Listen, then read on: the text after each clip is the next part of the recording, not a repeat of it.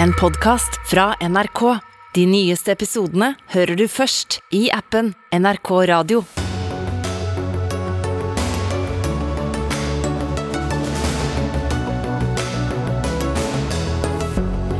Helsevesenet fungerer ikke som det skal, sier Sykepleierforbundet. Hvorfor sørger ikke politikerne for at det er nok helsearbeidere på jobb?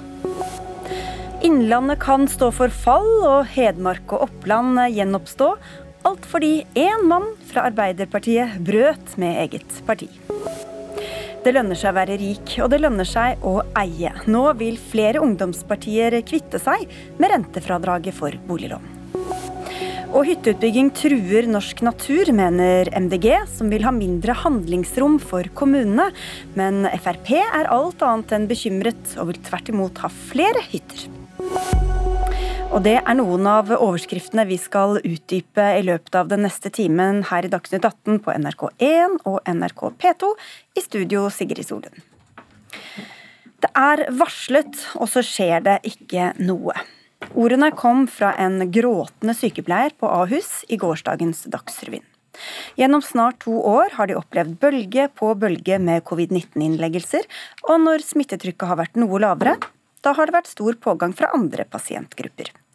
Lill Sverresdatter Larsen, du er leder i Norsk Sykepleierforbund. Hvordan vil du beskrive situasjonen for dine 120 000 medlemmer nå? 126 000 medlemmer. 126 000, unnskyld.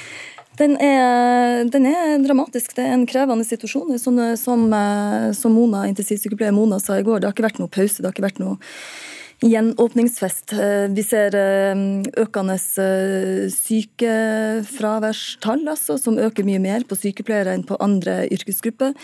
Vi ser sykepleiere som slutter både på sykehus og i kommunene og sier at det her er ikke lenger sykepleiere jeg driver på med, det er noe helt annet. Det pushes til noe kaldt og hjerteløst arbeid.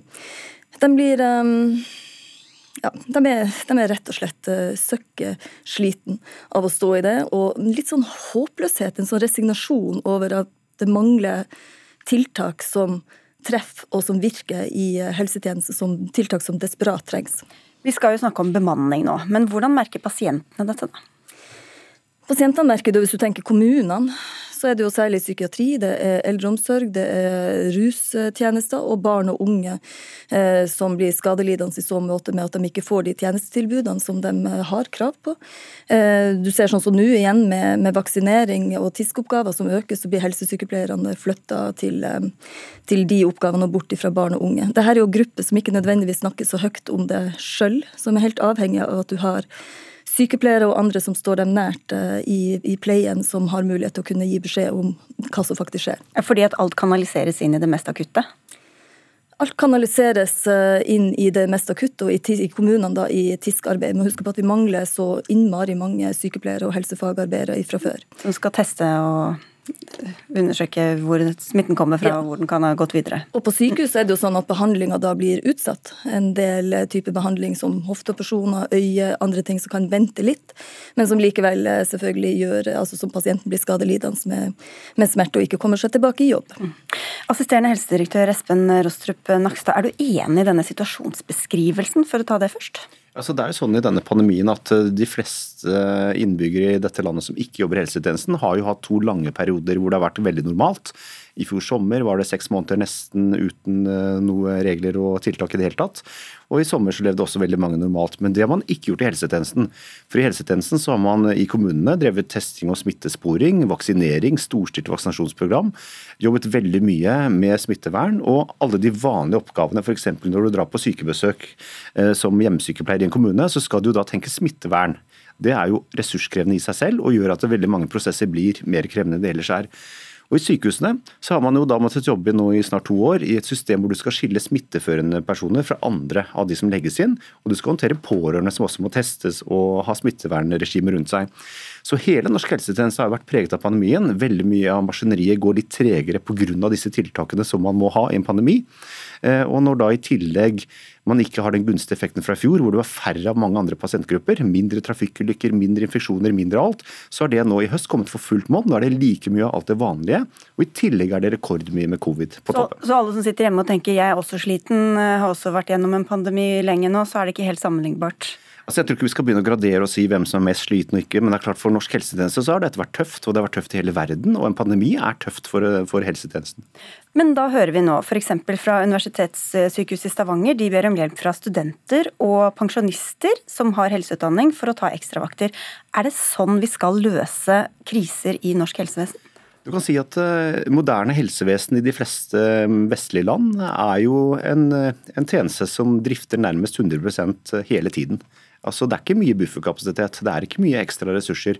Man kjører på ganske høygir hele veien, og det er sånn det fungerer i, i, den sektoren. Og Når det da kommer ekstra belastninger, så går det ofte greit en kort tid, fordi man strekker strikken langt og folk tar ekstra vakter å stå på. Men det er klart at når det tar lang tid, så merker man at man ikke har den bufferkapasiteten. Og det er ikke sikkert man har den bufferkapasiteten i andre sektorer heller. Det er altså Verken politi eller lærere eller i utdanningssektoren har veldig stor bufferkapasitet. Men sånn er det i moderne samfunn. Det er lite bufferkapasitet eh, til å ta toppene når det blir ekstra mye. Hva eh, mener du den, eh, hvis vi skal kalle det bemanningskrise, skyldes, Larsen? Skyldes jo en, eh, egentlig ikke bare denne regjeringa, de har stått i åtte uker, eller noe sånt, men det her er jo flere regjeringers uh, manglende ansvar egentlig for, for helsetjeneste. En underfinansiert helsetjeneste. Man har ikke satsa på fagfolkene. Man har bedrevet helsetjeneste som en bedrift, uten at man nødvendigvis, altså en bedrift på høygir, uten at man nødvendigvis har gjort det som ellers andre kloke bedriftseiere ville ha gjort, satsa på fagfolkene gjennom både belønningssystemer og annet. Vi skal jo få inn politikerne, men um, Nakstad, det er jo dere som har det faglige ansvaret her i Helsedirektoratet. Hva er det dere har sagt om behovet innen bemanning i norsk helsevesen? Du kan si at eh, Norsk helsevesen eh, styres jo dels av kommunene eh, i, i, den linja, mens sykehusene styres av regionale helseforetak som styres av departementet og regjeringen. Helsedirektoratet, Helsedirektoratet er jo ikke den styringslinja til sykehusene. Men Helsedirektoratet er jo et fagdirektorat som forvalter lovgivning, skriver faglige retningslinjer, gjør mye utredningsarbeid, eh, koordinerer sektoren i kriser, eh, håndteres tilskuddsordninger og masse sånt. Eh, og I dette bildet så er det sånn at direktoratet av og til jobber med f.eks. analyser av hva trenger vi av helsepersonell i tiden framover, hva trenger vi av kapasitet. Og det er klart at dette arbeidet er viktig, men det er til syvende og sist politiske og finansielle vurderinger jo. som dette ender opp med. Og et ambisjonsnivå som må settes politisk, selvsagt, i ethvert land. Men hva er deres mening da, om hvorvidt behovet faktisk dekkes av det, den bemanningen man har? Ja, Helsedirektoratet har sagt uh, i denne pandemien at uh, vi har for lite ressurser på intensivsiden. Det er helt åpenbart. Vi, vi klarer ikke å takle langvarige helsekriser med de ressursene vi har. Det er helt åpenbart, og det vet alle. og Det har også alle politikere i Norge erkjent. Og Så er spørsmålet da hvordan man skal komme seg videre da. og Det er jo et helsepolitisk spørsmål. Du skal få, Lars, men vi, skal, vi, har nemlig med oss to politikere, som jeg har sagt, en fra et regjeringsparti og en fra et opposisjonsparti, men som nylig hadde regjeringsmakt. Cecilie Myrseth fra Arbeiderpartiet og Tone Wilhelmsen Trøen fra Høyre. Dere sitter begge i helse- og omsorgskomiteen på Stortinget. Hvis vi først tar det helt grunnleggende, Myrseth først, kort og tydelig, har vi en bemanningskrise i norsk helsevesen? Ja, vi mangler, mangler mye helsepersonell, og det har vi visst lenge at vi gjør. Eh, det har, eh, har Arbeiderpartiet tidligere sagt veldig tydelig fra om, at man skulle ha satt i gang tiltak tidligere. Det har ikke vært gjort, men nå er ansvaret vårt. Ja, og det har, vi hatt, i, det har vi hatt nå i eh, åtte, åtte, uker. uker ja. eh, og målet vårt er at vi skal øke kapasiteten, og Greit. vi må gjøre noe med de utfordringene vi skal komme, Vi skal komme til, til tiltakene, men Trøen, er du enig? Har vi en bemanningskrise? Ja, det er en veldig krevende situasjon nå, og har vært det lenge. Fordi helsepersonell har jo virkelig vært på strekk. Jeg må si innslaget på Dagsrevyen i går med, med sykepleier Mona på Ahus, det sitter som en klump i magen min enda. Jeg har selv vært sykepleier på Ahus i 2012 og jobba på lungeavdelingen, og jeg kjente eh, litt på den følelsen jeg hadde da. Og så tenker jeg at de har jobbet nå snart i to år i helt eh, ekstremt krevende situasjoner. Eh, så må vi også huske at vi, vi bruker mye penger på helse i Norge, og vi gjør det fordi vi er opptatt av å skape gode helsetjenester. Og vi er også opptatt av å utdanne og ta vare på helsepersonellet vårt. Men du, vanligvis når vi diskuterer dette, så viser dere til hvem som har gjort hva, hvilke regjeringer som har bevilget hvor mye penger, hva den har stemt for og hva den ikke har stemt for. Og hvis vi nå bare legger alt dette bort, prøver å finne ut av hva er vi egentlig enige om, hvor er det løsningene ligger? Larsen, hva mener dere? Dere ønsker jo høyere lønn for deres medlemmer, men utover det, hva skal til for å løse det grunnleggende her? Høyere lønn er jo ikke bare for at vi skal få en bonus og en klapp på skuldrene og en anerkjennelse til dem som står i det, altså for å klare å beholde de fagfolkene som er i jobb. Men det handler om å rekruttere tilbake folk, sånn at du faktisk klarer å redusere belastning. For det viktigste vi gjør per nå, akkurat nå, er å redusere belastninga sånn at eh, sykepleierne og helsefagarbeiderne andre klarer å stå i den beintøffe belastninga som er. Da må vi ha flere folk. Vi må ha støttepersonell inn. De trenger ikke å være fagutdanna som sådan, men gjerne fagutdanna, men støttepersonell til portørtjenester, til ernæring ernæring, til renhold, til logistikk, til hva som helst inn i tjenestene her nå. Og så har vi tross alt vi har flere tusen sykepleiere. Vi har rundt 700 intensivsykepleiere som ikke er i jobb som sykepleiere lenger, fordi de syns lønna er for lav ut ifra belastning, ansvar og risiko. Og Myrseth, hvis du husker fortsatt på hva jeg sa innledningsvis her da, hva, hva kan man gjøre da? Nei, Det er jo flere ting. Um, og Først så må vi jo ha en viktig dialog med de som faktisk står i tjenesten. Sykepleierforbundet er en av de partene som vi er avhengig av å ha en god dialog til og lytte til. Um, men vi trenger jo mer penger. Det er jo helt åpenbart. Eh, vi burde ha styrka sykehusene våre over lengre tid. Det handler om at vi må styrke det som kalles grunnfinansieringa av eh, sykehusene, eh, som jo går til denne type tjenester. Det er det ene. Men det andre er jo at vi må, må ha tiltak for å få flere folk i jobb. Da må vi ha flere stillinger. Det er én ting. Så må man selvfølgelig se på arbeidsbetingelsene. altså En ting handler om hele, faste stillinger, og man trenger flere kollegaer for å kunne avlaste med det som er. Men dette er jo litt langsiktige tiltak. Det tar jo tid å utdanne og få folk tilbake eh, til den jobben vi ønsker de skal gjøre. Eh, så må vi gjøre noe nå. Eh, og regjeringa ser jo allerede nå på krisetiltak for helsesiden også. Vi gjør det på næringsliv, også på helse. Og der må vi ha dialog nå i den korte tida som er fremover, for å se på hvordan vi kan gjøre, komme med noen løsninger. Så vil jeg jo si at vi også trenger de pensjonerte sykepleierne som nå har vært en veldig viktig støtte inn i det arbeidet som er. Vi må legge til rette for at de kan fortsette Men det er jo ikke noe langsiktig løsning. Nei, jeg sier jo det er fortsatt to mm. ting. Det er langsiktige og det er kortsiktige tiltak, og vi må på en måte klare å ha to tanker i hodet samtidig. Men Trøen, eh, mer penger til sykehusene, faste stillinger, bedre rekruttering. Dere er jo helt sikkert enige om alt dette, så hvordan har vi havna her? Jeg tror noe av, eh, noe av, svaret, og dette kan jo Lill eh, Sverresdatter Larsens eh, enda mye mer om, men noe av det handler om at vi må sørge for at sykepleiere skal gjøre det de skal gjøre, og at oppgavedelingen er god i, i helsetjenesten vår. Og jeg er helt sikker på at Sykepleierforbundet har mye rett når de sier at det ville være gunstig nå med mer støttepersonale f.eks. på sykehus. Og så må vi ikke glemme at vi har veldig mye ressurser som vi ikke bruker.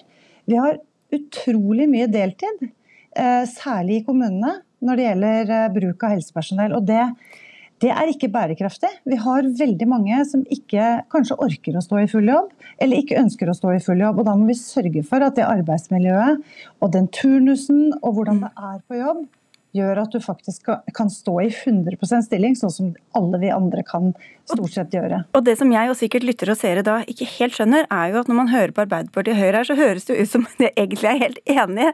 Nakstad, hva, hvor, hvor ligger ja, altså om, om de grov, grovt sett tiltakene, da. Hvor ligger hun begravd, Nakstad? Du, jeg skal ikke uttale meg om det politiske ambisjonsnivået. Nei, men du har erfaring fra sykehusdrift. og, ja. men, men, jeg kan si at uh, dette er langsiktig arbeid. Eh, veldig langsiktig arbeid. og Dette har med hvordan du ressurssetter en hel helsetjeneste å gjøre. Eh, og det har også med utviklingen av moderne medisin, som er ressurskrevende. Medisiner koster mer penger, kreftbehandling har blitt avansert, utstyr koster enormt med penger. sånn at eh, driftsbudsjettene til sykehusene går i større grad også til andre ting etter hvert. Så det må inn i bildet. Og så er det sånn at I denne pandemien så har man jo hatt mye mindre vikartilgang f.eks. Fra, fra Sverige. Man har basert seg på mye vikarer i Norge i norsk helsetjeneste. Det har blitt vanskeligere nå, særlig det siste året. Og i kommunene så har jo da helsepersonell, som det jo ikke er altfor mange av i små kommuner, måttet både håndtere vaksinasjonsprogram og TISK-arbeidet, testing og smittesporing. Og Det krever også at man må læres opp til nye ting som man ikke driver med til hverdagen. og Det skaper også friksjon og er ganske ressurskrevende i seg selv. Så det er, mange ting her. Det er ganske komplisert og sammensatt. Og nå tør vel ikke svenskene komme hit i frykt for å bli smitta av Myrseth, men har det da tydeligvis et, gap da, mellom forventningene til uh, hva man skal få i helsetjenesten, og hva man faktisk tilbyr. Har politikerne, altså Dette er ikke de siste åtte årene bare den utviklingen har skjedd. Har dere tatt det innover dere ordentlig? Ja, det har vi. Og, og, jeg skjønner at man er utålmodig, fordi dette har vært en varsla situasjon lenge. Eh, og så får vi en pandemi på toppen av det. Eh, vi har jo behov for økt intensivkapasitet utenom en pandemi også.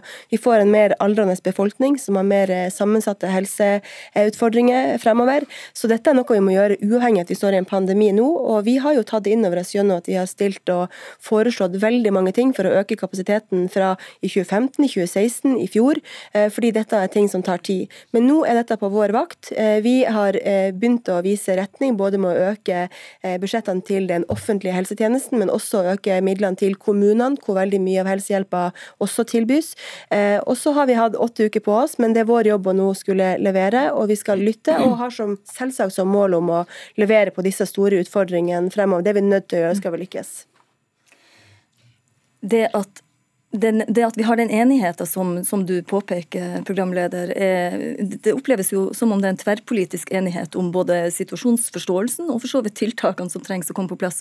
Det er vanskelig å forstå hvorfor det da tar så lang tid. For i dag så går det utover Det er ikke bare de ansatte og det er ikke sykepleierne, de blir sliten, de kan slutte. Eh, men det går utover pasienter, det går utover pårørende, det går utover oss som befolkning. Akkurat nå f.eks. så får vi ikke til vaksineringa i den farta som vi skulle ønske, fordi vi mangler fagfolk til å sette de de vaksinene til å gjøre den type arbeid også. Eh, kun 30% av helsepersonellet til nå er klart å bli vaksinert med tredje boosterdose, ikke sant? og vi går inn mot jul og med sykefravær.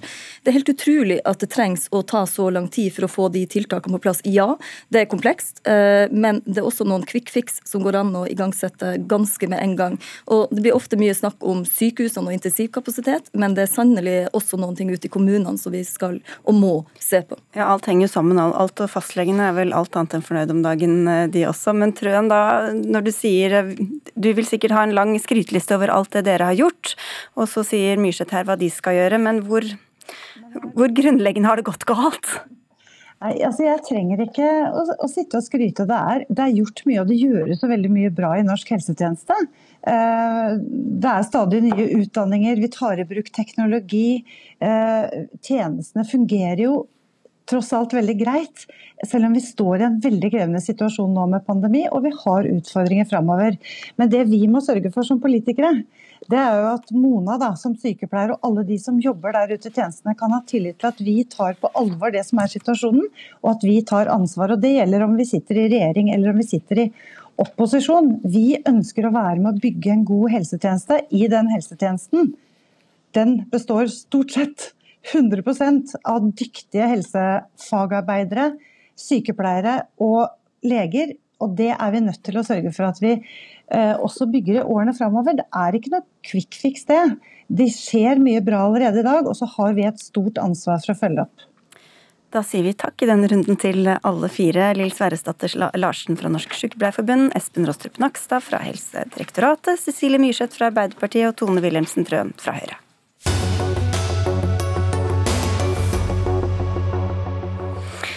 Og det skjelver stadig på norgeskartet, ikke bare i nord og i øst. Nå kan også fylkeskommunene Hedmark og Oppland gjenoppstå etter et nokså dramatisk fylkestingsmøte på Lillehammer i går kveld.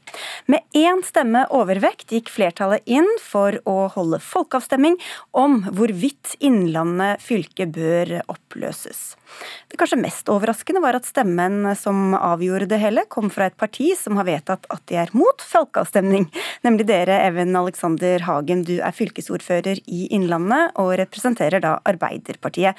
Hvor brått kom det på dere at deres egen partifelle vendte dere ryggen og stemte for dette vedtaket? Nei, Det kom dessverre vel brått på. Det er jo ubehagelig når det oppstår slike situasjoner der det er noen som velger å bryte med partivedtak. Og oss hadde jo både gruppebehandla, men òg behandla i representantskapet, der hele 75 eh, mot 6 eh, stemte for å videreføre Innlandet fylke. Så kommer vi da til fylkestinget, og så er det da Erik Winther, en av våre 20 representanter, som velger å støtte opposisjonsdelen, eller i hvert fall da de som hadde et annet syn, eh, og da vippe et flertall. Og det er veldig kjedelig. Nå er ikke han, han her, men uh, han, uh, hans mening fikk i hvert fall konsekvenser. Aud Hove, du er fylkesvaraordfører i Innlandet for Senterpartiet, og det var vel dere glad for at han valgte som han gjorde? Ja, det var det. Vi har jo jobba eh, tverrpolitisk for å få til ei folkeavstemning. Og etter hvert som det kom flere partier med, så så vi jo det at vi begynte å komme farlig nede og få et flertall. Så også er jeg jo glad for at det ble et flertall, og så i praksis er jo det en utsettelse av saken. Men da blir det en folkeavstemning, og så får vi høre hva folk eh, tenker og mobilisere opp imot det. Og så skal, blir det et nytt fylkestingsvedtak. Ja, for En ting er jo å være for eller mot oppløsning, men hva, hvorfor er det galt å la innbyggerne komme til orde i denne saken, Hagen? Nei, Det er jo ikke feil å la innbyggerne komme til orde, men eh, oss mente jo at nå hadde vært lagt ned så mye arbeid. Det har jo vært ja, brukt millioner av kroner på dette her, og, og er jo to år inn i den nye organisasjonen, slik at oss mente at nå er det riktig å se framover, ikke bakover. Og så er det slik at uh, Her er det ulike syn i fylkestinget. Vi visste at dette sto og vippa om at det kunne gå en eller andre kanten. Vi hadde jo landa på at oss var klare til å ta stilling og nå gå videre og se framover. Nå skal vi gjennom en ganske krevende prosess der vi i løpet av stutt tid skal arrangere bl.a. en rådgivende folkeavstemning. Hvorfor er det verdt det, Hove? Det er verdt det fordi at det aldri har vært et borgerlig flertall i Innlandet. Velgerne har, også har et stort flertall sammen, Arbeiderpartiet og Senterpartiet. Eh, og Det har vært mye motstand mot eh, den sammenslåingen som var. Det burde vært en folkeavstemning den gangen, men vi ble ikke lytta til i det hele tatt. Og eh, oss mener at eh, når vi har fått en ny regjering som faktisk åpner for det, så skal vi nytte den sjansen til å lytte til folket. Men det koster penger å slå sammen, og det koster penger å løse opp. Hvem er det som skal betale for det her, da? Nei, eh, hvem er det som har logget til dette her, skulle jeg si. Demokrati koster penger. Eh, og eh, de skillingene som jeg sier da, er brukt på dette her, alt det, det er, det, det er demokrati at politikerne bestemmer også, er det ikke det? da? Ja, det er det. Men oss velger å lytte til folket. Oss har eh, både Hedmark og Oppland Senterparti har fylkesårsmøtevedtak på at oss ønsker folkeavstemning. Og det varsla Arbeiderpartiet om allerede i juni, før oss visste hva en ny regjering hadde, at oss ønsket folkeavstemning på denne saken her. Hagen. Ja, altså, En kan jo mene at det er riktig å ha folkeavstemning, og det er fullt mulig å gjennomføre det, men oss mener at det er å utsette folk for egentlig veldig mye nå midt i en pandemi som er Ja, altså nå blir folk utfordra på å ta stilling til fylkesgrenser. Altså, Jeg tror at folk har tillit til det representative demokratiet. Jeg opplever ikke at det er noe folkekrav i Innlandet å splitte opp igjen Oppland og Hedmark i de to gamle fylkene. Jeg opplever tvert imot at nå sier næringslivet, en eh, partene i arbeidslivet, en ser organisasjonslivet, de har jo rigga seg nå som Innlandet. Så har felles organisering egentlig på hele regional stat-linja, der oss samarbeider med et Innlandet. Og Derfor så syns at det er utsetter oss sjøl for veldig mye krevende jobbing nå. Kommunen som skal stille opp og bidra til dette her. Og ikke minst at den da utfordrer folket på å ta stilling til noe som er veldig veldig komplekst. Og det er krevende. Ja, For det er vel ingen som vet helt hva det vil koste eller hva det vil innebære. Så hvor godt egnet er det til en folkeavstemning at alle skal bare si ja eller nei til om de vil splitte fylket eller ikke? Det er å ha tillit til folket. og det, Nå har det skapt et veldig stort engasjement. Både det at vi fikk en ny regjering og som åpna for dette her. Eh, oss i Senterpartiet kjørte meningsmåling med 1205 respondanter nå det, den 10. november. Og Uavhengig av om du er for eller mot eh, oppløsning, så var det et stor prosent, stort flertall som ønsker folkeavstemning. Du ønsker å ha noe å si på dette her. Og, vi og kan godt sitte og tro men oss har aldri spurt folket om de egentlig ønsker Innlandet. Og hvis folket sier ja, da, hva, hva gjør dere da? Men nå er det veldig spennende å se, for nå skal vi gjennomføre folkeavstemning. Det blir spennende å se valgdeltakelsen. Nå når folk blir invitert til å komme og si sin mening, så blir det spennende å se utfellet. Og I tillegg så har vi jo vedtatt i dag at vi må jo ha en bredere høring. Nå, nå får vi bedre tid, så vi en ha bredere involvering. Vi skal spørre kommunen, vi skal spørre organisasjonslivet, næringslivet, og vi skal høre med medarbeideren. Så nå får vi et bredere grunnlag. Eh, jeg var klar til å ta stilling nå denne uka her, men nå må vi vente til februar, og da får vi et bredere grunnlag. og så så da fattes en beslutning. Den brede høringen kunne vi hatt allerede, da, for det at vi bestemte i juni at vi skulle ha en sak på dette. så Kommunene og, og organisasjonene det kunne vi ha hørt, men nå er det bra at vi setter i gang det med. Og hva skjer med denne vinter som veltet lasset? Ja, winter is coming. Nei, altså det er jo et eh, spørsmål for partiet nå. Eh, for min del og for fylkestingsgruppa sin del så er det et tillitsbrudd. Og det er òg et vedtektsbrudd når du da går imot et representantskapsvedtak. Og så er det jo slik at Der må partiet håndtere videre. Det er ikke på mitt bord å håndtere, men det er jo en kjedelig situasjon å stå i, særlig når det vipper et flertall. Så plutselig står det Senterpartiet i parentes i stedet for Arbeiderpartiet bak hans navn? Men eh, for oss er det et tillitsbrudd å ikke jobbe for en folkeavstemning, for det har vi gått til valg på. Du, vi har med oss også Halvard Grotli, kommentator og tidligere politisk redaktør i avisa Gudbrandsdølen Dagningen. Du er med oss på linje fra Brumunddal. Hvordan vil du beskrive den politiske situasjonen i Innlandet etter den nokså dramatiske vendingen i går kveld? Jeg tenker som så at eh, Even Alexander Hagen eh, han er vant til å dele ut roser. Han bør eh, ganske snart ta en stor bukett røde roser og sende til Erik Winther, istedenfor å rasle med kaktus. Dette som nå har skjedd i Innlandet, det kan jo se i et nasjonalt perspektiv. Hvor Troms, Finnmark og Viken nå har fått følge av Innlandet og hvor det er eh, helt klare politiske undertoner som ligger bak det hele. Hove eh, nevnte en meningsmåling. Det hun ikke har sagt, er at den, etter det jeg kjenner til, har vist at det er betydelig eh, stor skepsis blant Arbeiderpartiets velgere. Og Derfor så er det som nå skjer, det står i et perspektiv opp til valget om halvannet år. Til neste lokalvalg. Og det kan bli en spennende affære. Men hvilke saker er det de egentlig som, som dette kan få noe å si for? Nei, Det er jo nettopp det prosessen nå videre skal avdekke. Eh, det er jo eh, helt riktig som Hagen påpeker, det er veldig mange miljøer nå som har skrudd seg sammen og som derfor taler for at Innlandet skal fortsette slik som det er. Men det er jo dette som nå blir den interessante delen i, i prosessen videre. Hva kan uh, tale for, og hva kan tale imot? Og eventuelt følge det som kanskje skjer også i Nord-Norge og i, rundt uh, Oslo-gryta. Ja, for Der har vi jo hørt mye misnøye, men det har vel ikke vært i hvert fall ikke like høylytt i Innlandet. Hvor, uh, hvor stor sak har dette vært i gamle Hedmark og Oppland? Ja, det har vært en sak som Aud Hove var inne på, at de har programfestet hva de nå ville gå til valg på. Og det er klart at De blir veldig frista til å, å, fiske i rørt vann når de ser hvor stor skepsis dette her er også innad i Arbeiderpartiet. Og Erik Winther han er jo en tradisjonsbærer for den delen av Arbeiderpartiet som virkelig ønsket desentralisert politikk eh, ved valget i fjor. Støre lyktes glimrende med å sanke tvilere. Eh, og nå er det da eh, vinter som fører videre på mange måter Støres ånd fra det distrikts- og desentraliserte Arbeiderpartiet. Og Hva dette da skal romme, det er jo nettopp det prosessen nå videre skal avdekke. Og Hva tror du blir resultatet av folkeavstemninga?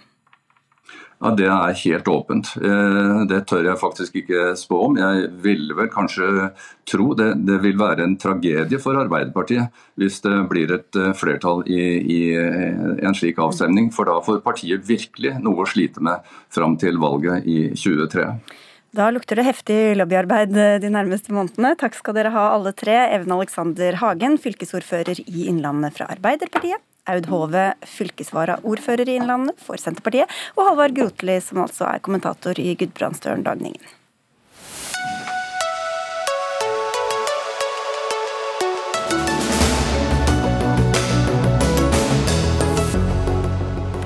Snart skal vi diskutere her i Dagsnytt 18 hvorfor studentene skal måtte ta opp ekstra lån for å betale høye strømregninger, men før det til noe annet som også angår mange unge folk. Ungdomspartier, en litt uvant konstellasjon, tar nå til orde for å fjerne rentefradraget på boliglån for å redusere ulikheten mellom dem som eier bolig og dem som leier. For hvis du har boliglån, kan du i dag trekke fra på skatten for én av fem rentekroner du betaler. Og dette rentefradraget får også boliginvestorene glede av, om de så eier to eller 20 leiligheter. Andreas Brennstrøm, du er leder i FPU. Hvordan mener dere at dagens ordning forsterker forskjellene? I dag så ser vi at det er veldig lønnsomt å investere i bolig. Veldig mange tar pengene ut av bedriften for å plassere det i boligmarkedet. Og vi mener jo det er veldig merkelig at det skal være mer lønnsomt å investere i bolig og betong, såkalt død kapital, fremfor å investere i bedrifter og arbeidende kapital. For det er jo sånn at mange bedriftseiere tar penger vekk fra gravemaskiner og tømrere og snekkere og andre, og plasserer det i bolig fordi det er veldig lav risiko, veldig høy avkastning og tilnærmet null verdiskapning. Derfor vil vi vri det Men så er det også veldig viktig for meg å si at dette er bare ett av flere tiltak vi mener er nødvendig for å løse utfordringene i dagens boligmarked. Fordi der ser jeg at det er store utfordringer knytta til svært høy prisvekst de siste årene, vanskelig for unge å komme inn på boligmarkedet, og at det skaper store forskjeller i samfunnet. Men det er et så stort felt at vi prøver å holde oss til akkurat dette elementet i denne runden. Så hva vil dere da gjøre med akkurat rentefradraget? Vi ønsker å fjerne det for sekundærboliger og utover. Vi kan gjerne, altså, fordi det er jo det viktigste å nå i denne omgangen. Fordi det er veldig mange som eier flere titalls leiligheter på boligmarkedet. Hvis det blir litt færre av dem, så gjør det at det blir mer plass til at flere kan gå fra å leie til å eie. Henning Lauritzen, du er administrerende direktør i Eiendom Norge. Hvorfor skal vi ha et system som belønner dem som har råd til å kjøpe mange leiligheter? Nei, Det er et eh, godt spørsmål. og jeg tror vi kan si at Det systemet vi har i dag, det belønner boligeiere. Eh, det gjør det utvilsomt. Og så er det jo sånn at Man får rentefradrag hvis man kjøper seg en sydenferie eh, på lån, og man får også rentefradrag på bolig. Sydenferie? Ja, altså Man får rentefradrag til alle lån man tar opp i Norge, egentlig. Så, så her er det egentlig en likhet for de ulike formålene. Og så tror vi kanskje at det å fjerne rentefradraget, det har mange uheldige sider. Spesielt så er det det fradraget som kanskje kommer de unge på boligmarkedet sterkest til gunst. Astrid Hoem, du er leder i AUF og er med oss fra Bodø. Dere vil gå enda lengre. Hva er det dere foreslår på dette området? Vi foreslår å fjerne rentefradraget for sekundærbolig, men også å sette et makstak på lån for 2 millioner kroner på primærbolig. Og jeg mener at det er på høy tid at man begynner å skattlegge spesielt dem som ikke bare eier to, tre, men 400 boliger, samtidig som en sykepleier i Oslo kan kjøpe 1,4% av boligene. Vi har et boligmarked som er til for bolighaiene, og ikke dem som trenger et hjem. Og vi er nødt til å stramme til skikkelig om også vår generasjon skal kunne få komme inn på boligmarkedet. Eh, og Da er det, vi nødt til å gjøre flere ting, men nå det er rentefradraget. Det bygger flere boliger, og det gjør det enklere for unge å ta opp lån gjennom Husbanken f.eks. For, eksempel. for sånn som det fungerer i dag, så er det nesten umulig for unge uten hjelp fra foreldrene å komme seg inn på boligmarkedet. og Da er vi nødt, rett og slett nødt til å skattlegge mer.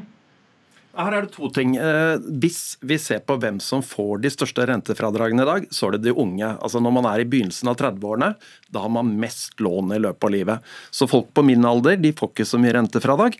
Folk som er litt eldre enn eh, eh, Andreas og co., de, de, får mye rentefradrag. Så det å gå løs på rentefradraget, det er nok gærne ende. Men, Men boligbeskatning kan man gjøre noe med. Ja, ta det først, Hoem. Det er lite egenandel blant mange unge, så det er jo akkurat den gruppa som får mest, tjener mest på akkurat dette. Ja, men De eh, kjenner fortsatt godt på det om man setter et makstak på to millioner kroner. og Den voksne generasjonen har jo tjent godt på rentefradrag over mange år. og Jeg tror det er på høy tid at man også legger til rette for et boligmarked der unge kommer seg inn. Mange kommer seg inn med hjelp av foreldrene. De er heldige, men veldig mange har ikke den muligheten i det hele tatt og står på utsida av boligmarkedet over lengre tid. Og De hjelper jo ikke den løsninga med å fortsette med den skattepolitikken man har i dag på bolig. Og Det er jo det vi er nødt til å sørge for. Ikke det at det lønner seg å kjøpe to, tre, fire boliger, men at man faktisk kommer kommer inn på boligmarkedet og får kjøpt sitt første hjem. Ja, jeg synes Det HM sier er veldig fornuftig. Eh, vi må gjøre noe for å hjelpe unge inn på boligmarkedet. Du er ikke enig med henne for og, det? da? Nei, for, og vi kan gjøre noe ved hjelp av skatt. Men det jeg mener er at rentefradrag er feil virkemiddel. Men vi har mange andre ting vi kan gjøre på skatteområdet. La meg nevne tre ting. Eh, vi fjerner dokumentavgiften. Den treffer unge i størst grad. Vi fjerner kommunal eiendomsskatt. Den har altså ikke noe fradrag for gjeld. Og så kan vi heller øke, eh, eller gjøre det, eh, øke verdsettelsen på primærboligen. Det betyr har du primærbolig og mye lån, så får du ikke mer skatt. Har du primærbolig og lite lån, så får du mer skatt. Og Det vil ramme folk på min alder, og ikke de unge. Og Det kan være fornuftig skatteendring. Brestrøm? Ja, jeg mener ikke at det er de unge som vil bli hardest eh, rammet av FBUs forslag. fordi unge har ikke sekundærboliger, de har bare én bolig, og det er ikke de vi ønsker å treffe med dette forslaget. Og så er jeg helt enig, boligeiere de tjener godt på rentefradraget. og det med vårt forslag vil de fortsette å gjøre det, fordi de aller fleste har bare en primærbolig, en bolig som de eier og bor i. Men hvorfor ikke sette et makstak, da, sånn som AUF vil? Altså Det kan man godt uh, diskutere, men jeg mener at det viktigste det er å fjerne rentefradraget på sekundærboliger og utover. fordi da får man litt færre bolighaier, litt færre boliger som er eid av folk som leier dem ut, og litt flere boliger hvor de som bor i boligen eh, faktisk eier dem. Og Vi ser at boligmarkedet i dag er en stor utfordring, men det er også veldig viktig for meg å presisere at dette bare er ett av flere tiltak. Det aller viktigste det. tiltaket ja. det er å bygge, bygge flere mer. boliger. Men Lauritzen, jeg skjønner fortsatt ikke hvorfor det skal være så gunstig å eie så mange boliger? Her må, vi, her må vi se på en ting. Nå snakker FPU og AUF de snakker om sekundærboliger. Og sekundærboliger de og tertiærboliger, eller ja, hva det? Ja, det kan man godt si. Altså, privatpersoner kan eie boliger som de leier ut. Men det de ikke snakker om, det er selskaper, altså aksjeselskaper som eier mange utleieboliger. De vil ikke rammes av dette forslaget fra eh, FPU og AF. Fordi det ikke rammer alle, så er det ikke noe vits i å innføre et virkemiddel? Virkningen av dette forslaget vil være at det vil være samme boligetterspørsel, det er samme behov for utleieboliger, men man vil flytte hvem som er utleier fra privatpersoner over til selskaper. For de står jo da klare når man skatter bort privatpersonene. Mm. Og, og, Det er derfor vi ikke helt skjønner dette poenget de har. Uh, altså De vil utleien til livs, men de vil bare ramme noen av utleiene. og Da, da høres det heller veldig rart ut. HM. Jeg vil gjerne ramme både dem som eier 100 eh, boliger som privatperson, og dem som gjør det gjennom eh, selskap. For Det viktigste for meg er at man får senka boligprisene, sånn at også unge kommer sent på boligmarkedet. Og I altfor lang tid så har vi hatt et rett og slett boligmarked som ikke ser på den grunnleggende rettigheten som bolig også bør være i Norge. Et hjem. Og da må unge kunne kjøpe seg inn på boligmarkedet uten hjelp fra foreldrene når de er i sin første jobb. Altså Vår foreldregenerasjon de kunne kjøpe en bolig når man var i sin første jobb og hadde jobba et par år. Det er en umulighet for veldig mange unge i dag. Og Da tror jeg man er nødt til å gjøre flere skattegrep. Ett med rentefradraget. Jeg mener også man må øke ligningsverdien i enda større grad enn man allerede har gjort. Bygge flere boliger. Men sørge i hvert fall for at det ikke lønner seg å eie masse boliger, uavhengig om man gjør det som privatperson eller om man gjør det som selskap.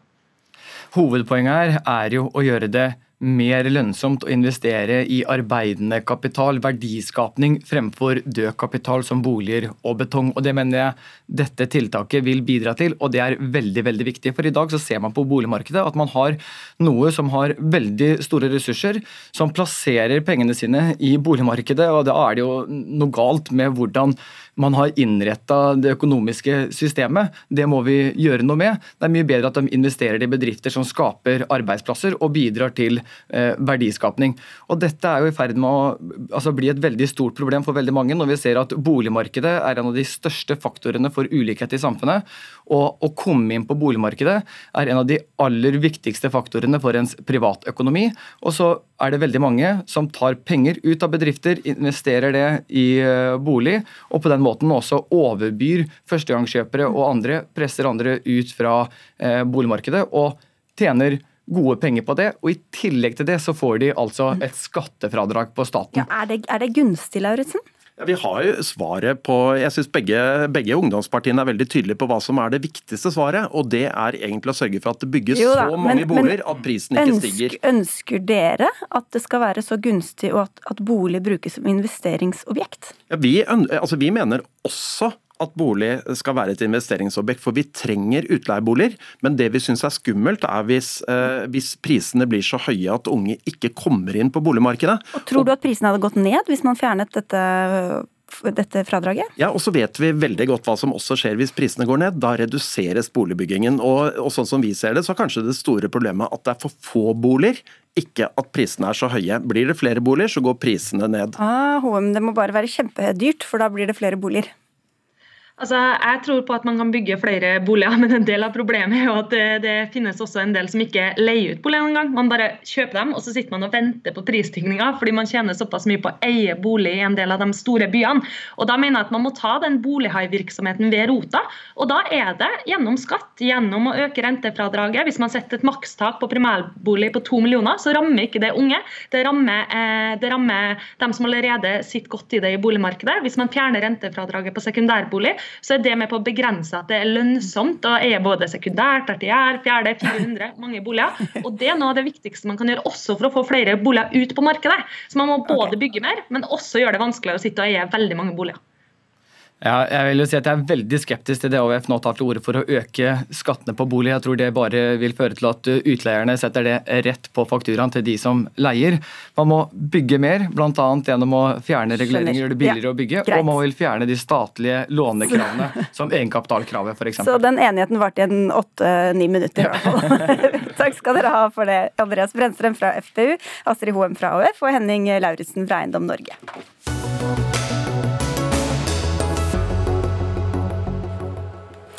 Bør norske kommuner holde mer igjen når det kommer til hytteutbygging? Mange nordmenn er glad i hytteliv og setter stor pris på urørt natur.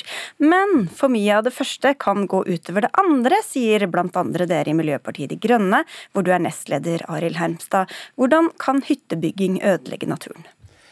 Det er faktisk en av de største truslene mot eh, naturen i Norge for tiden. Eh, og det er jo faktisk sånn at tap av natur er en like stor krise som klimakrisen. og det betyr at eh, vi må snart bestemme oss for når eh, det er nok nedbygd natur. Eh, og vi ser jo veldig konkret så går det utover villreinen, som nå har havnet på rødlisten. Det er veldig kritisk, og der er hyttebygging kanskje den største trusselen. Og så ser vi jo at mye myr blir bygd ned over hele landet, og det er også veldig uheldig for et Det er både tap av en viktig naturtype, men det har også mange viktige biologiske effekter. Du sier til Nasjonen, Frank Sve, stortingsrepresentant for Fremskrittspartiet, at du slett ikke er bekymret over norsk hytteutbygging. Hvorfor ikke det, når vi hører om disse konsekvensene? Nei, det er jo, vettet er jo godt eh, fordelt i, i alle kommunene i Norge. Og, og, Dagens lovverk er jo veldig strengt i forhold til, til hyttebygging. Det er jo arealplanene og kommuneplanene som styrer det i hver enkelt kommune. Eh, og Jeg kommer selv fra en kommune på, i Møre som eh, er største hyttekommune i Møre og Romsdal. Det er bare en liten klatt inni den kommunen der som er bygd med hytte.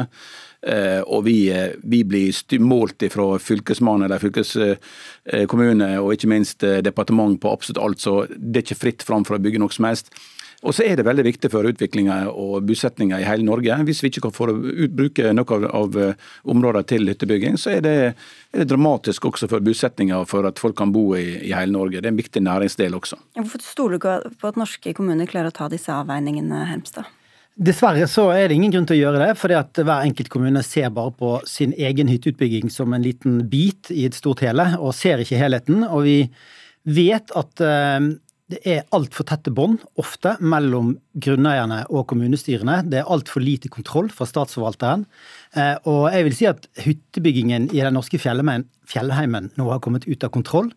Eh, vi får stadig flere, altså vi har jo folkevalgte som kjemper mot hyttebygging i urørt natur i hele landet. Men nå opplever vi jo at de får med seg kommunestyrene på å sette foten ned. Fordi at folk ser hva man er i ferd med å miste. og det betyr at uh, nå er det uh, faktisk også et opprør nedenifra mot den vanvittige, ukontrollerte hyttebyggingen, som i utgangspunktet er så fjernt fra den opprinnelige norske hyttekulturen som du kan komme. Det er svære hytter, det er svære innfartsårer. Uh, det gir altså en, en vanvittig, et vanvittig stort økologisk fotavtrykk som vi rett og slett ikke kan fortsette med inn i den norske fjellheimen, sånn som vi holder på nå. Altså Folketallet det går dramatisk ned i alle distrikt i hele Norge. Og hyttebygninger er faktisk med på å opprettholde bosetninger i distriktene. Så At dette skal gå så voldsomt utover over naturen, det forstår jeg ikke. Jeg har vært en, av de som har brukt naturen enormt mye i, i min, min, tid her på denne jorda. her. Og jeg må bare innrømme at det, disse hyttene, om de er 100 kvadrat eller 50 kvadrat, det er ikke det som betyr noe. Det er viktig å få folk ut og bruke naturen i tillegg. Og jeg må bare innrømme at jeg, jeg klarer ikke å se problemet. Alternativet, hvis en ikke bruker hytte og bruker, kan bruke naturen, så reiser folk til Syden i stedet, og så blir det mye mye mer utslipp. Så nei, altså jeg, mer men, men stoler du ikke på de rapportene som viser at det bygges ned for mye myr? Det er nye arter som trues også pga. Ja, hytteutbygging? Hva slags rapporter er det, liksom? For at jeg nå, nå er jeg sittet i, i, kommunepolitikken i 25 år og i fylket i 20 år. Jeg har sittet som ordfører, jeg vet hvordan prosessen fungerer i, i våre områder og i forhold til hyttebygging. Et, et, et Møre og Romsdal og min kommune er et av Norges største, største turistområder. Vi, så, så, vi vet at det er sånn som verdensområdet i Geirangerfjorden den har fått verdensstatus pga. bruken av vern og vern gjennom bruk i generasjoner. En har lært å bruke naturen, og det er viktig. Men, men den, den, tradisjonelle den kunnskapen man hadde, er man jo i ferd med å kaste fullstendig på båten. og Det ser vi jo når man det er ingen stopp i, i forhold til kommunene sitt frislipp mange steder, og det er ofte en konkurranse mellom kommunene om å bygge ned naturen sin raskest mulig. Eh, og det er jo ikke nødvendigvis sånn at Grunnen til at mange har lyst til å bo på bygda eller flytte til bygda, er jo for å komme seg vekk fra ståk og mas og ha andre kvaliteter. Det er mange bønder som kjemper for å kunne fortsette å bruke utmarksressursene sine. Og alle disse ser jo eh, med gru på at man legger stadig flere områder under eh, svære hyttefelt. og det er det er rett og slett en, en, trend som vi må stoppe. og Vi må klare å dele på de hyttene vi har. Vi må klare å bygge en turisme som er mye mer bærekraftig enn at det skal være masseturisme på ethvert lille sted i Norge som skal overleve. Jeg tror ikke det er en strategi for å ta vare på distriktsbosettingen i Norge. Sve, du nevnte jo selv alle hensynene man må ta som eh, kommune- og fylkespolitiker. Du skal tilfredsstille næringslivet, du skal holde befolkningen fornøyd. Hvor lett er det da å legge mye vekt på Eh, natur som ikke har så høylytte talspersoner? Det er så veldig enkelt. Hvis du, hvis du, hvis du øyelegger naturen og gjør store inngrep, så er det heller ingen som vil, vil flytte dit og bygge hytter. Så det å ta vare på naturen og være, være skånsom med det med også i utbyggingsdelen, det er en viktig del som ligger i arealplanene, mm. som både kommunestyret og fylkesmannen og departementet legger vekt på. Det er lova som styrer det der, så jeg begriper ikke. Det er noe vi er nok av denne, i Norge, siden natur og, og ubygde områder. Altså, i, i, vår kommune så er det så, det er så mye areal at du kan gå tørrskodd på det omtrent. Det, her er jo, altså, Villreinen vil jo ikke være enig med deg i det. Den er nå havnet på rødlisten. Eh, vi har nettopp sett et hyttefelt i Eidfjord som er godkjent, hvor man bygger bevisst ned leveområdene til villreinen. Og vi ser at når det kommer folk inn i de områdene der, så tar de i bruk mye større deler av naturen. Og det betyr også at det blir mindre muligheter for eh, kalving og den type ting. Men det er sikkert mange som Sve som har beveget seg rundt i naturen eller flydd over landet, som tenker at her er det jo ganske mye natur som står igjen? Og Det tror man gjerne, man, eh, hvis man på en måte bare tenker at her var det mye skog, eller her var det mye det ene og det andre. Men eh, i verden så er altså naturen under en, en Den gjennomgår en vanvittig krise nå. Vi bygger ned mer natur enn vi har gjort noen gang. Og det gjør vi også i Norge. Og Norge er en del av dette problemet. og vi må ta vare på den verdifulle naturen vi har, og begynne å bygge den opp igjen, istedenfor å fortsette å, å, rive ned natur. Du sier Sve, at du har tillit til uh, politikere rundt omkring. Betyr det at du ikke har sett noen eksempler hvor det har gått for langt, gått for vidt, og blitt bygget steder det ikke burde blitt bygget, på måter det ikke burde blitt bygget på? Nei, men altså, Ærlig talt, vi har så mye areal å bygge på.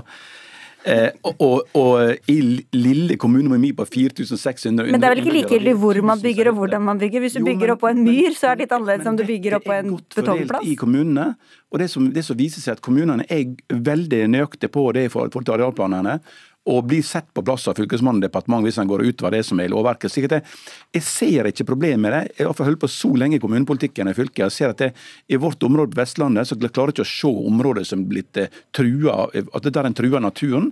Men vi skal være skånske om det er enig men det å si at det, hyttebygging er det verste for naturen, det er jeg fullstendig uenig i.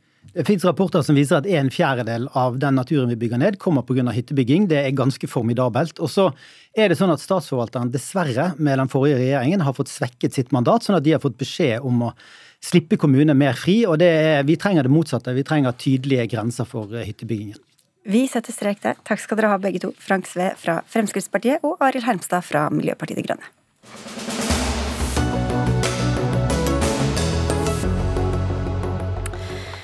De høye strømprisene rammer alle, men er naturlig nok mest krise for dem som har minst. Som studentene. Vi har hørt om studenter som dusjer på treningssenter, eller som tar opp forbrukslån for å betale den høye strømregninga. Nå har regjeringa varslet at den tar grep, og har lovet en tilleggsstøtte på 3000 kroner til studenter som skal dekke høye strømutgifter over nyttår. Tuva Tonem Lund, du er leder av Norsk, eh, Norges studentorganisasjon, eller Norsk? Norsk, Norsk studentorganisasjon, nemlig. Ja, dette må er bra, eller? Vi er veldig fornøyd med at regjeringen har sett behovet for at studentene trenger, eh, trenger en krisepakke for å, for å, bøte på dette med høye strømpriser. Eh, du nevner noen eksempler her. Jeg snakket i dag med en student som dro på skolen til, eh, til universitetet for å kunne lage, varme opp maten sin, fordi man ikke vil varme opp maten hjemme fordi man ikke har råd til strømprisene. Men, men det som provoserer oss i denne saken her, er at studentene har vært tapere gjennom hele pandemien. Eh, vi har mistet jobbene våre, vi har sittet isolert, vi har tapt eh, læringsutbytte. Eh, og vi opplever at vi har tapt på veldig veldig mange områder. Og gjennom det her så har vi jobbet for å få på plass krisepakker som kompensasjon for inntektsbortfall flere ganger. Da har det kommet som i hovedsak et lån. Hvorfor er det sånn at studenter skal være fornøyd og ta til takke med et lån, mens resten av befolkningen får ren strømhjelp. Regningene er jo de samme for oss som for alle andre. Studenter fryser på samme måte som resten av befolkningen gjør. Ja, Forsknings- og høyere utdanningsminister Ola Borten Moe, hvorfor landa dere på denne løsningen? For denne løsninga isolert sett, altså som en kompensasjon for høye strømpriser, så er det en veldig rimelig løsning. Og så skal vi jo huske at eh, bildet er veldig ulikt. Eh, så eh, For det første så er det jo veldig mange studenter som bor i leiligheter som tilhører, eller hybler som tilhører studentsamskipnadene. Der er jo ofte leia, altså strømprisen er en del av leia. Og så er det jo sånn at Hvis du har studert i Midt-Norge eller Nord-Norge, så er det jo først de siste ukene at strømprisen egentlig har vært et uh, problem. Så det her er jo et fenomen som uh, er i stort hvert fall begrensa til Sør-Norge og Østlandet. Og så har vi da funnet, vil jeg mene, en veldig rimelig ordning der man kompenserer med 3000 kroner ekstra lån, hvorav 40% kan konverteres til, til stipend. Til det andre så Jeg bare skjønte ikke hvorfor det var et argument for ordningen at mange ikke trenger den. Nei, Jeg bare sa at det er veldig likt og ulikt. Det er veldig forskjellig utgangspunkt. Og så er det noen gang sånn at Statens lånekasse eh, det er et instrument som treffer alle. Det har aldri vært ment og det har aldri satt opp sånn at man kan ha veldig spesifikke og målretta ordninger inn, men dette blir da en ordning som alle vil, ta, vil kunne ta, eh, dra nytte av. Eh, I den grad man ønsker det, eller i den grad man trenger det. Og Hvis man korrelerer litt, for ikke korrelerer, men hvis man ser litt på på strømprisene, så er dette ei, eh, ei, ei, ei rimelig ordning, eh, vil vi mene. Så et poeng til, og der vil jeg være veldig enig med, med studentorganisasjonen. fordi at det er viktig nå å holde universitetene og, og høyskolene åpne i så stor grad som mulig, for det er jeg helt enig i. Eh, det er lett for eh, den gruppa som jeg kanskje tilhører, å tenke at det er mulig å stenge ned. Der er det helt korrekt at studentene har tatt en langt større byrde enn de langt fleste av oss. Ja, For da kan du i hvert fall gå dit og varme dere, da. Ja, og Nå er det jo mange som er helt avhengig av det. Og så syns jeg dette med samskipnader og at mange studenter bor i samskipnadene er et rart argument, fordi samskipnadene må jo også betale regningene sine. Og de, når samskipnadene betaler regningene sine, så er det også studentenes penger. Det er ikke sånn at for, for, en andel av studentene så betaler disse regningene seg selv. Eh, regningene er de samme, strømprisene er høye. Det, det, er, eh, det er, helt sant eh, på den ene sida. På den andre sida er det sånn at både altså gjennom en ganske lang periode, men spesielt det siste året, så har samskipnadene bygd en ganske stor egenkapital. Så det er mange milliarder som står på bok, som er studentene sine penger, og som etter mitt skjønn bør settes i arbeid til både til strømpriser, fritidstilbud øh, og ikke minst bygging av studenthybler. Ok, men Vi går til øh, innretningen på denne støtten. Rawan Ismail, du er stortingsrepresentant nå for Miljøpartiet De Grønne, sitter i energi- og miljøkomiteen. Og dere har jo tatt opp tilleggsstøtte til studentene som følge av øh, om vi kaller det strømkrise eller strømregningskrise. Hvorfor er dere da fortsatt misfornøyd? Vi er misfornøyd fordi det er to ting vi har foreslått. For det første så foreslo vi å øke studiestøtta, og da som bare støtte av stipend, ikke lån, for november og desember. Som et tiltak for å møte strømkrisa som studentene er i. Det andre vi har foreslått, det er å etablere et strømstipend det ble også stemt ned i Stortinget. Og så har vi en tredjeordning som er for alle landets innbyggere. Der foreslår vi 2000 kroner utbetalt som en konsekvens av at staten håver inn milliarder på strømprisene nå. Ingen av de tingene her har blitt imøtekommet. Det vi har fått, er mer lån til studentene, akkurat som vi fikk da studentene mista jobben under koronanedstengninga. Det er jo ikke riktig å si at det bare er lån når Nei. 1200 eh, kroner blir stipend? Helt riktig. 60% av det er et lån. Akkurat som 60% av krisetiltakene under koronanedstengninga også var et lån. Jeg har ikke hørt et eneste argument for hvorfor denne støtten skal være et lån, når vi er enige om at studentene er en gruppe i samfunnet med dårlig råd som bør få bedre råd. Jeg klarer ikke å forstå hvorfor når vi skal sørge for at de får bedre råd, at de da skal ende opp med mer i lån. Og jeg syns det er skikkelig uverdig og smålig. Og jeg pleier ikke å bruke så sterke ord, men det handler litt om at studentbevegelsen har bedt om økt studiestøtte som et tiltak i mange år på rad. Altså På et eller annet tidspunkt så hadde studentene i det landet her en studiestøtte som tilsvarte halvannen gang grunnbeløpet i folketrygden. Det har de ikke nå lenger. Den blir ikke prisjustert engang. Og derfor syns jeg det er smålig at når vi er i en krise hvor studentene rammes ekstra hardt fordi de er en gruppe i samfunnet med dårlig råd, at de da får tilbud om mer lån. Det hadde vi ikke akseptert for andre grupper i samfunnet. Det bør vi ikke akseptere for studentene heller. Ja, nå er eh, med all respekt å melde to forskjellige diskusjoner som går her. Det ene handler om strømstøtte. Det mener jeg at vi har kvittert ut. Eh, Vi har ikke, ikke kvittert ut det helt ennå, for vi skal diskutere det i seks minutter til. ja, men, men også er det jo sånn at hvis man eh, ikke trenger pengene, så trenger man jo ikke å søke om dem. Og hvis man ikke trenger det lånet, så kan man jo sette de pengene til side og la være å bruke det, og så bruker man bare det man får i stipend. Altså det er opp til, den, opp til den enkelte. Det andre som handler om studentenes generelle økonomi, det er jo en beskrivelse som jeg ikke Eh, som jeg ikke deler. Det er ikke lenge siden at eh, studentene fikk eh, elleve måneders studiestøtte istedenfor ti, og denne regjeringa har pekt på at vi har tenkt å, å, øke, og da har vi tenkt å øke for dem som har det mest. Jeg skjønner at, at det henger sammen, Og så men... kom det også, programleder, bare for å påpeke det, som en del av statsbudsjettet nå, så får man altså halv pris på tannbehandling, som er et superviktig helsetilbud, ikke mm. minst for studenter. Ok, Men til dette, da. Hvis man betaler for noe med et lån, la oss si at man virkelig trenger det, da, for man har jo hatt veldig høye strømutgifter, så blir jo det i realiteten minst dobbelt så dyrt som det det faktisk koster, fordi man må betale rente for det de neste 30 årene. Så for å bøte på dyr strøm, så dobler dere egentlig strømprisen for denne gruppa, da? Nei, det blir jo å snu det på hodet, for vi har jo selvsagt sittet regna på hva vil de økte strømutgiftene bety eh, for en gjennomsnittlig hybel. Og så er jo Det jo veldig vanskelig å anslå, fordi at det er store forskjeller. Eh, noen bor eh, kaldt, andre bor varmt, noen har fjernvarme, noen har det ikke. Men vi mener jo at 1200 kroner i stipend i seg sjøl er ei ganske god en ganske god kompensasjon. Jo, Men for dem som så, trenger mer, for dem som da må ta de 40% lån i tillegg? Og så er det jo sånn for eh, resten av oss også, altså vi som er helt vanlige strømabonnenter som ennå ikke har fått noen ting, så vil jo eh, fram til det eventuelt kommer på plass en bredere kompensasjonsordning, så er vi jo eh, rett og slett eksponert mot høyere energi- og strømkostnader. Det er et kjempeproblem. Og noen ting som jeg er helt sikker på. Eh, skråstrek vet at står høyt opp på regjeringas prioriteringsliste. Ja, det kan hende vi sitter og snakker om dette i morgen. Men Rund, skal, altså det er jo andre grupper som kanskje har det enda verre enn studentene. Hvorfor skal dere i tillegg til, dette, til lånet også få stipendene, og så skal dere få enda mer stipend? Jeg mener at dette henger veldig tett sammen med det som MDG her var inne på. Dette henger sammen med kjøpekraften til studentene. og Da kan Senterpartiet si hva de vil, men Senterpartiet gikk til valg på å øke kjøpekraften til norske studenter. Det tok omtrent en uke før dere avkrefta at det kom til å skje. Eh, det, og det henger jo sammen med dette dette her, det, det, gjør at studenter nå sitter og fryser fordi man ikke har betalt strømregningene. Mm. Og så må man jo også bevise at man betaler strømregningene for å ha rett på dette lånet. Og det er vel jeg, greit? Det er helt greit, eh, men da syns jeg det er et rart argument å si at det ikke er alle som har behov for det. Dette er noe man må bevise at man trenger. Og jeg er mye mer bekymra for de studentene som nå mm. sitter under flere dyner og tepper og leser til eksamen, enn de studentene som kanskje eh, får utbetalt 1200 kroner som de ikke trenger akutt. Men 1800 kroner ekstra på et lån som kanskje er på 300 000 er ikke så veldig stort utslag.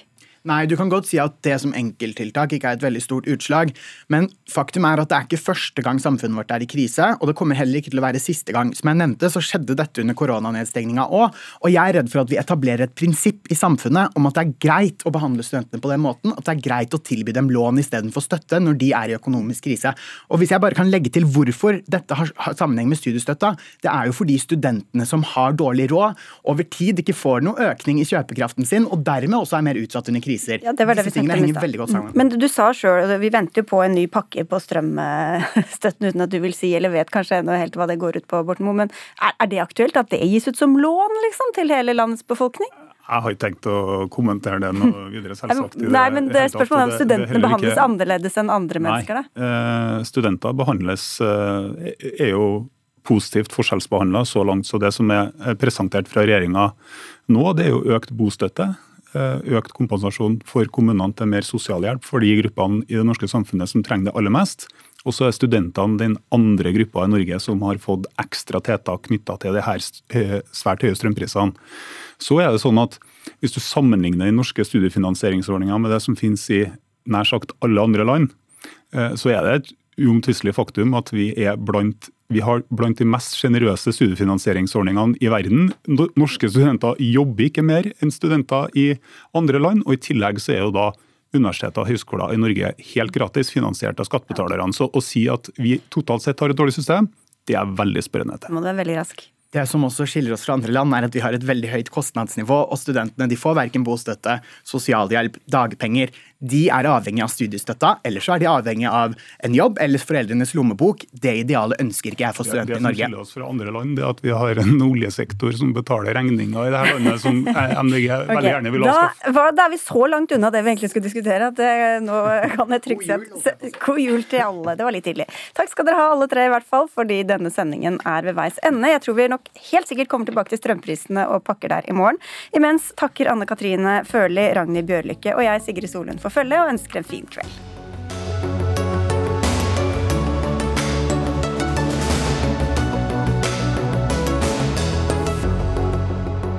Du har hørt en podkast fra NRK. De nyeste episodene og alle radiokanalene hører du i appen NRK Radio.